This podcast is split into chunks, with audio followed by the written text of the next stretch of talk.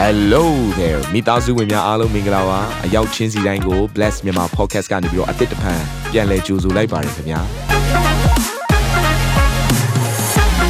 ဒီတစ်ပတ် Daily Devotion အစီအစဉ်ကတော့ယခင်ကဟောကြားခဲ့တဲ့နှုတ်ဘတ်တော်များထဲကနေပြီးတော့ highlight လောက်ဆောင်ပေးထားတာပဲဖြစ်ပါတယ်နာတော်တာစင်သူညီကောင်မောင်နှမများယနေ့နှုတ်ဘတ်တော်အားဖြင့်ဖွင့်ပြခြင်းအသစ်ရရှိပါမည်အကြောင်းကျွန်တော်ကနေပြီးဆုတောင်းလိုက်ပါ ယ်ယေရှုခရစ်တော်ဟာဘုရားသခင်ဖြစ်တယ်ဆိုတော့ကျွန်တော်တို့အားလုံးလက်ခံကြတယ်ခရိယန်တွေလက်ခံကြတယ်အခြားသောဘာသာဝင်တွေလည်းလက်ခံကြတယ်ဘယ်လိုပြောလဲသူတို့ကယေရှုကိုခရိယန်တွေရဲ့ဘုရားဒီလိုပြောကြတယ်နော်ဒါပေမဲ့တကိုးကြီးသောဘုရားဆိုတဲ့အရာခတ်သိမ်းအထက်မှာစိုးစံတဲ့ဘုရားဖြစ်တယ်ဆိုတဲ့အရာကိုကျမ်းစာထဲမှာအဖြစ်ပြက်လေးတစ်ခုအားဖြင့်ကျွန်တော်ထင်ရှင်းလင်းလင်းမြင်ရတယ်ယေရှုခရစ်တော်ကိုကျွန်တော်ကြည့်တဲ့အခါမှာယေရှုခရစ်တော်ဟာဓမ္မသစ်ထဲမှာဆိုရင်တော့သူဓမ္မိတ်လက္ခဏာပြတယ် စာရန်ရဲ့စုံစမ်းစစ်ဆေးခြင်းကိုခံတယ်နော်နမိတ်လက္ခဏာကလည်းမျိုးစုံပြတယ်နော်ဖျားသခင်တပါးပဲလုံနိုင်တဲ့နမိတ်လက္ခဏာတွေကိုပြတယ်ဆိုတော့ယေရှုခရစ်တော်ကြွလာတဲ့အချိန်မှာသူတို့ကစောစောကယောဂါတယ်တွေနဲ့တွေ့တဲ့အခါမှာနူနာတွေကိုလည်းပျောက်ကင်းစေတယ်မွေးကလေးကမျက်စိကန်းတဲ့သူကိုလည်းတခါတည်းသူကပျောက်ကင်းစေတယ်စသဖြင့်ခြေလက်မတန်ဆွမ်းတဲ့လူကိုလည်းပျောက်ကင်းစေတဲ့ခါကျတော့လူတွေက confuse ဖြစ်ကုန်တယ် okay ဘာသာရေးသမားတွေလည်း confuse ဖြစ်ကုန်ဘလို့ဖြစ်တာလဲဖရားတပါးပဲနော်ဖရားတပါးပဲဒီຢာကိုတတ်နိုင်တဲ့ဥစ္စာကလက်သမားသားယေရှုကဘလို့ဖြစ်လို့တတ်ဆွမ်းနိုင်တာလဲဆိုတော့သူတို့အံ့ဩကုန်ကြတယ်ဆိုတော့ဒါကသူတို့ကြုံတွေ့ရတဲ့ပြဿနာတွေအပေါ်မှာဖြစ်တယ်သို့တော်လည်းပဲယေရှုခရစ်တော်ဒီပြဿနာတွေအပေါ်မှာပဲအောင်နိုင်တဲ့ဖရားမဟုတ်ဘဲနဲ့ဒီပြဿနာတွေအားလုံးရဲ့နောက်ွယ်မှာကြိုးကင်ပြီးတော့လှုပ်ဆောင်နေသောမာနရဲ့မှောင်မိုက်တကိုးအားလုံးရဲ့အထက်မှာစိုးစံသောတကိုးကြီးသောဖရားဖြစ်တယ်ဆိုတာကိုဒီနေ့ကျွန်တော်နှုတ်ကပတ်ကျမ်းစာအပြင်တွေ့ရတယ်အာမင် တော့ကျွန်တော်တို့မှာပြဿနာရှိလို့ယေရှုစီကိုချင်းကပ်ရင်ဖခင်ကပြဿနာဖြေရှင်းပေးကျွန်တော်တို့ကဘယ်လိုသတ်မှတ်လဲဆိုတော့ဩဖခင်တကိုးကြီးတယ်ဖခင်အသက်ရှင်တယ်ဆိုတော့ကိုယ့်ရဲ့ပြဿနာကိုဖြေရှင်းပေးလို့ယေရှုစီကိုချင်းကပ်ချင်ကြတယ်ဒါပေမဲ့တင်းရဲ့ပြဿနာကိုမဖြေရှင်းပေးဘူးဆိုရင်ဩဖခင်ရှင်ကတကိုးကြီးတော့ဖခင်လား yes ဟုတ်နေတော့မယ်အာမင်ကိုယ့်ပြဿနာပြေလည်မှဖခင်ကတကိုးကြီးတာမဟုတ်ဘူးထိုဖခင်သည်ဘာပြဿနာမှမဖြေရှင်းဘူးဆိုရင်လေတကိုးကြီးတော့ဖခင်ပဲဖြစ်နေသေးတယ်အာမင် မန်နဲ့မှောင်မိုက်တကူအားလုံးရဲ့အထက်မှာရှိသောဖရားဖြစ်တယ်အဲ့တော့ကျွန်တော်တို့ကျမ်းပိုက်တစ်ပိုက်အားဖြင့်အာ sorry အဖြစ်ပြက်တစ်ခုအားဖြင့်တွေ့ရတယ်အဲ့ဒါကတော့ထွက်မြောက်ဝါကျမ်းထဲမှာရှိပါတယ်ဣသရေလလူမျိုးတွေ Israel တွေကကြုံခံရတယ်နှစ်400ကျော်ဖြစ်တယ်ဒီဖြစ်ပြက်လေးသိမှာပါနော်အာဗြဟံဣဇက်ယာကုပ်ယာကုပ်ရဲ့သား12ယောက်နောက်ဆုံးမှာသားစင်12ယောက်ထဲကနော်ယောသက်ကသူကအီဂျစ်ပြည်ကိုနော်ရောင်စားခြင်းခံရကခံရတာကနေပြီးတော့နော်သူတို့အားလုံးကမိသားစုကအဲ့ကိုရောက်သွားရင်ကနေပြီးတော့နှစ်ပေါင်းများစွာအဲ့မှာသူတို့ ခါတယ်လူဦးရေတိုးပွားတယ်ပေါ့အဲ့ကနေပြီးတော့တခါနောက်ထပ်တက်လာတဲ့ဖာရောမင်းတွေကသူတို့ကိုဂျုံပြုတ်ကြတယ်ဒီနေ့အဖြစ်ပြောရမယ်ဆိုအေဂုတုမှာဂျုံခံတဲ့ဣသရေလလူမျိုးတွေဟာအခုအချိန်မှာဆိုရင်မာနရဲ့မှောင်မိုက်တကိုယ်ထဲမှာနော်ချုံနှောင်ခြင်းခံရတော့အပြစ်သားအလုံးကိုကိုစားပြုနေပါတယ်ဆိုတော့အခုအဲ့ဒီဣသရေလလူမျိုးတွေကအခုအေဂုတုပြည်မှာအရန်ဂျုံခံရတာပင်ပန်းလာတဲ့ခါကျတော့ဘုရားသခင်စီမှာဆုတောင်းကြတော့ဘုရားသခင်ကငါသူတို့ရဲ့ဆုတောင်းတန်ကိုကြားတယ်ဆိုပြီးတော့စပြီးတော့သူကမောရှေကိုရွေးကောက်ပြီးတော့နော်ဒီ လူအုပ်စုကိုသူကရွေးနှုတ်ဖို့ရန်ပြင်ဆင်တယ်အဲ့ချိန်မှာဘုရားသခင်ကဘယ်လိုပြောလဲဆိုတော့သူတို့ကိုအေဂုတုပြည်အေဂုတုလူတို့လက်မှကယ်နှုတ်၍ခါနနီလူဟိတ်တိလူအာမောရိလူဖေရဇိလူဟိဝိလူယေဗုတိလူတို့နေရာနို့နှင့်ပြားဤစီးတက်သောပြည်သို့ပို့ဆောင်ခြင်းကငါဆင်းလာပြီယခုတွင်လည်းဣသရေလအမျိုးသားတို့ငိုကြွေးသောအတန်သည်ငါထံသို့တက်ရောက်၍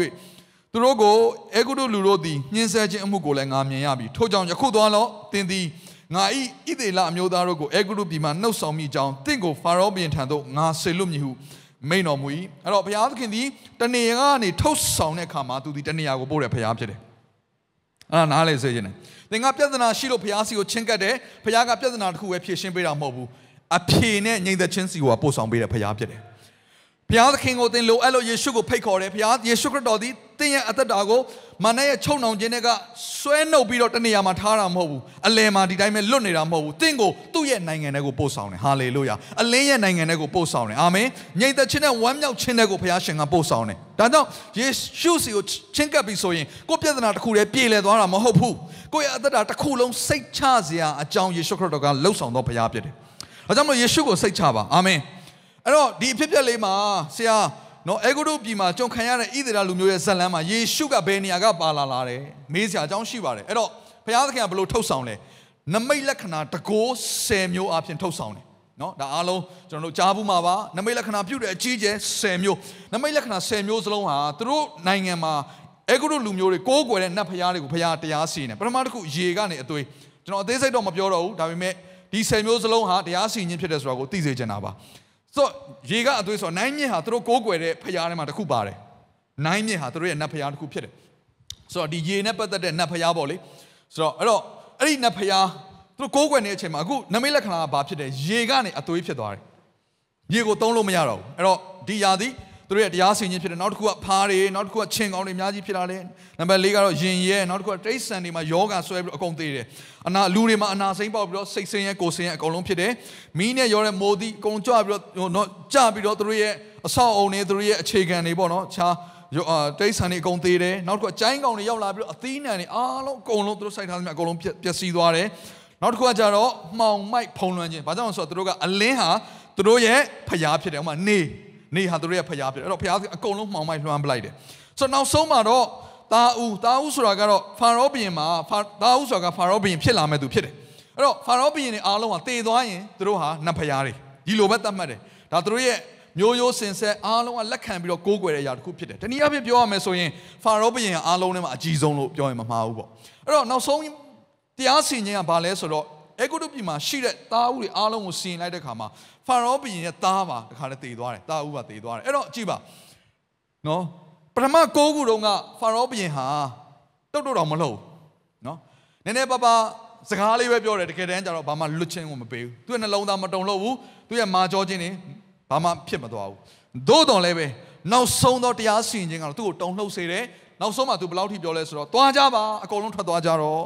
လွတ်ပေးလိုက်တယ်နော်နောက်မှ နှလုံးသားခိုင်မာပြီးပြန်လိုက်တာသူကိစ္စဖြစ်တယ်ဒါပေမဲ့ဒီနမိတ်လက္ခဏာကိုကြုံလိုက်ရတဲ့အချိန်မှာသူတုံလှုပ်ပြီးတော့အကုန်လုံးကိုလွှတ်ပေးလိုက်တယ်ဒါဆိုရင်နောက်ဆုံးသောနမိတ်လက္ခဏာမှာဘုရားရှင်ပြုတဲ့ຢာကဘာလဲဆိုရင်သိုးတငယ်ရဲ့အသွေးတော်ဖြစ်တယ်ဟာလေလုယာသိုးတငယ်ရဲ့အသွေးတော်ကြည့်ပါအဲ့သိုးတငယ်ရဲ့အသွေးကိစ္စမတိုင်ခင်အရှိမတော့ကကြတော့နော်အစ်ဆေဘဖာရောဘုရင်ကသူ့ဟာသူနော်တနိုင်ငံလုံးဘာပဲဖြစ်နေဖြစ်နေပါစေအေဂုတုလူတွေဘလို့ပဲဒုက္ခဆင်းရဲရောက်နေပါစေမလွတ်ဘူးဒီကျွန်တွေကို အယံကောင်းပါတယ်ဒါပေမဲ့နောက်ဆုံးမှာဘာအဖြစ်လွတ်မြောက်ခြင်းရလဲသိုးတငယ်ရဲ့အသွေးတော်အဖြစ်ဟာလေလုယာအသွေးတော်သည်နောက်ဆုံးသောနမိတ်လက္ခဏာသည်အေဂုတုလူတွေအတွက်တော့တရားစီရင်ခြင်းဖြစ်ပေမဲ့ဖျားသခင်ရဲ့လူတွေအတွက်ကကြတော့လွတ်မြောက်ခြင်းဖြစ်တယ်သိုးတငယ်လေးကိုမိသားစုလိုက်ယူလာရတယ်အသွေးကိုသွန်းပြီးတော့အဲ့ဒီအသွေးကိုအိမ်ရဲ့တကားတိုင်နဲ့ထုတ်တန်းမှာတုတ်လိမ့်တဲ့အခါမှာနော်တခါလေသူတို့အပြစ်စီရင်မဲ့တရားစီရင်မဲ့တမန်ကလာတဲ့အခါမှာအဲ့အသွေးကိုမြင်တဲ့အခါမှာကြော်သွားတယ်တရားစီရင်ခြင်းမခံရဘူး ကယ်တင်ခြင်းခံရတယ်လွတ်မြောက်ခြင်းခံရတယ်အဲ့တော့နမိတ်လက္ခဏာတွေအားလုံးဘလောက်ပဲပြုတ်ခဲ့ပြုတ်ခဲ့တကိုးတွေအားလုံးဘလောက်ပဲကြီးခဲ့ကြီးခဲ့ဖာရောဘုရင်မတုံလှုပ်ပေမဲ့နောက်ဆုံးသောနမိတ်လက္ခဏာမှာတော့ဖာရောဘုရင်တုံလှုပ်တယ်အဲ့ဒီအချိန်မှာအဲ့ဒီကြီးမားတဲ့တရားစီရင်ခြင်းကနေလွတ်မြောက်စေတာကဘာလို့လဲဆိုတော့ယေရှုခရစ်တော်ရဲ့အသွေးတော်တကိုးဖြစ်တယ်အာမင်အာမင်ဘာကြောင့်နတ်ဆိုးတွေရဲ့တကိုးတွေဘလောက်ပဲကြီးနေပါစေခရစ်တော်ရဲ့အသွေးတော်တကိုးသည်ထိုးရအားလုံးရဲ့အထက်မှာရှိတယ်အာမင် ဟာလေလုယာသင်အတွက်လွတ်မြောက်ခြင်းဖြစ်တယ်သင်အတွက်အပြစ်ဖြေခြင်းဖြစ်တယ်သင်ကိုတန်ရှင်းစေသောရာသည်ထိုတိုးတငယ်ဒီဟူသောယေရှုခရစ်တော်ရဲ့အသွေးဖြစ်တယ်ဒါကြောင့်ပတ်သက်ခါတိုးတငယ်ဆိုတာယေရှုခရစ်တော်ကိုပြောနေတာဘယ်ကလေးကလဲနှစ်ပေါင်းများစွာကဘာဦးကလေးကဣသရေလလူမျိုးတွေကဘယ်သိမလဲတိုးတက်ဆိုတော့တိုးကိုတက်ကြတာပေါ့အသွေးသွန်းဆိုတော့အသွေးသွန်းတာပေါ့တုတ်ဆိုတော့လည်းတုတ်ကြတာပဲဒါပေမဲ့အခုတော့ကျွန်တော်တို့နှုတ်ကပတ်ကျမ်းစာအားဖြင့်နားလည်ရပြီ ခရစ်တော်အားဖြင့်ကျွန်တော်တို့နားလည်ရပြီအဲ့တုန်းကသွန်းခဲ့တဲ့အသွေးဆိုတာတကယ်တော့ခရစ်တော်သည်လူသားအလုံးရဲ့အပြစ်တွေလက်ဝါးကားတဲ့ပုံမှာအသွေးသွန်းလောင်းပြီးတော့အပြစ်ဆေးကြောမယ်ဆိုတဲ့အရာကိုကြိုတင်ပြီးပြောပြထားတာဖြစ်တယ်အာမင်တောင်းဒီလောကအတွက်အဖြေကဘယ်မှာရှိလဲဆိုရင်ခရစ်တော်စီမှာပဲရှိတယ်မြန်မာပြည်အတွက်အဖြေဟာဘယ်မှာပဲရှိလဲဆိုယေရှုခရစ်တော်စီမှာပဲရှိတယ်ထိုယေရှုခရစ်တော်တပါးတည်းကပဲလွတ်မြောက်ခြင်းကိုပေးနိုင်တယ်ဟာလေလုယာ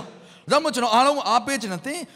ဘာပြဿနာကြီးကြုံတွေ့နေရတယ် နော်သင်ကိုချုပ်ကင်ထားတဲ့ຢာတွေကဘာတွေများဖြစ်မလဲသင်မလို့ဆန်နိုင်တဲ့ຢာတွေကဘာများဖြစ်မလဲဘုရားသခင်စီကိုပဲတိုးဝင်ရအောင်ယေရှုခရစ်တော်ကိုပဲမိခိုရအောင်ထိုခရစ်တော်ရဲ့အသွေးတော်ကိုပဲသင်ရတတ်တာမှာဝန်ခံကြေညာရအောင်အာမင်ပြီးခဲ့တဲ့ဘက်တွေကကျွန်တော်နှုတ်ကပတ်တော်ဝင်ငှတဲ့ခါမှာမာနက်ကိုအောင်ခြင်းဆိုတဲ့အရာဝင်ငှတဲ့ခါမှာကျွန်တော်တို့ရဲ့မာနက်ကိုနိုင်တဲ့လက်နက်ကဘဲကပဲထွက်လာလဲနှုတ်ရှာပါးစကပဲထွက်လာတယ်အတိတ်ဘက်ကဘာလဲထိုယေရှုခရစ်တော်ကိုမိမိရဲ့သခင်ဖြစ်နေ့တိုင်းအစဉ်ဝန်ခံပါ ဝန်ခံမှာတိုင်းနိုင်ငံအတွက်ကျွန်တော်တို့တိုင်းနိုင်ငံအတွက်ကောင်းသောအရာတွေကိုဝန်ခံရအောင်အခြေအနေတွေကတော့ဝန်ခံစေစရာမကောင်းဘူးနော်ဒီပါဇက်ကမကောင်းတဲ့အရာတွေပဲထွက်ထွက်ချင်တဲ့အခြေအနေဖြစ်နေတယ်ဒါပေမဲ့ကောင်းတဲ့အရာတွေကိုပဲဝန်ခံရအောင် prophet ပြုရအောင်ကျွန်တော်တိုင်းနိုင်ငံကိုကောင်းချီးပေးရအောင်အာမင်စိတ်ရမကြပါနဲ့လက်မလျှော့ပါနဲ့ဆက်ပြီးဆုတောင်းမယ်အာမင်နာတော်တာစင်သူတိုင်းရဲ့အသက်တာမှာကောင်းကြီးဖြစ်မယ်ဆိုတာကိုကျွန်တော်ယုံကြည်ပါတယ်။ သင်ရဲ့အသက်တာအတွက်များစွာသော resource တွေနဲ့ update တွေကို Facebook နဲ့ YouTube platform တွေမှာလည်းကျွန်တော်တို့ပြင်ဆင်ထားပါတယ်။ Facebook နဲ့ YouTube တွေမှာဆိုရင် search box ထဲမှာစုစွမ်းနာမင်းလို့ရိုက်ထည့်လိုက်တဲ့အခါအပြအယောင်အမှန်ချစ်ထားတဲ့ Facebook page နဲ့ YouTube channel ကိုတွေ့ရှိမှာဖြစ်ပါတယ်။နှုတ်ကပတ်တော်တွေကိုဗီဒီယိုအားဖြင့်လည်းခွန်အားယူနိုင်ဖို့ရန်အတွက်အစင်သစ်ပြင်ဆင်ထားပါတယ်။ကျွန်တော်တို့ဝိညာဉ်ရေးရာအတွက်အထူးလိုအပ်တဲ့ဖွင့်ပြခြင်းတွေနဲ့ခွန်အားတွေကိုရယူလိုက်ပါ။နောက်ရက်များမှာပြန်ဆုံတွေ့ကြရအောင်ခင်ဗျာ။အားလုံးကို နှုတ်ဆက်ပါတယ်။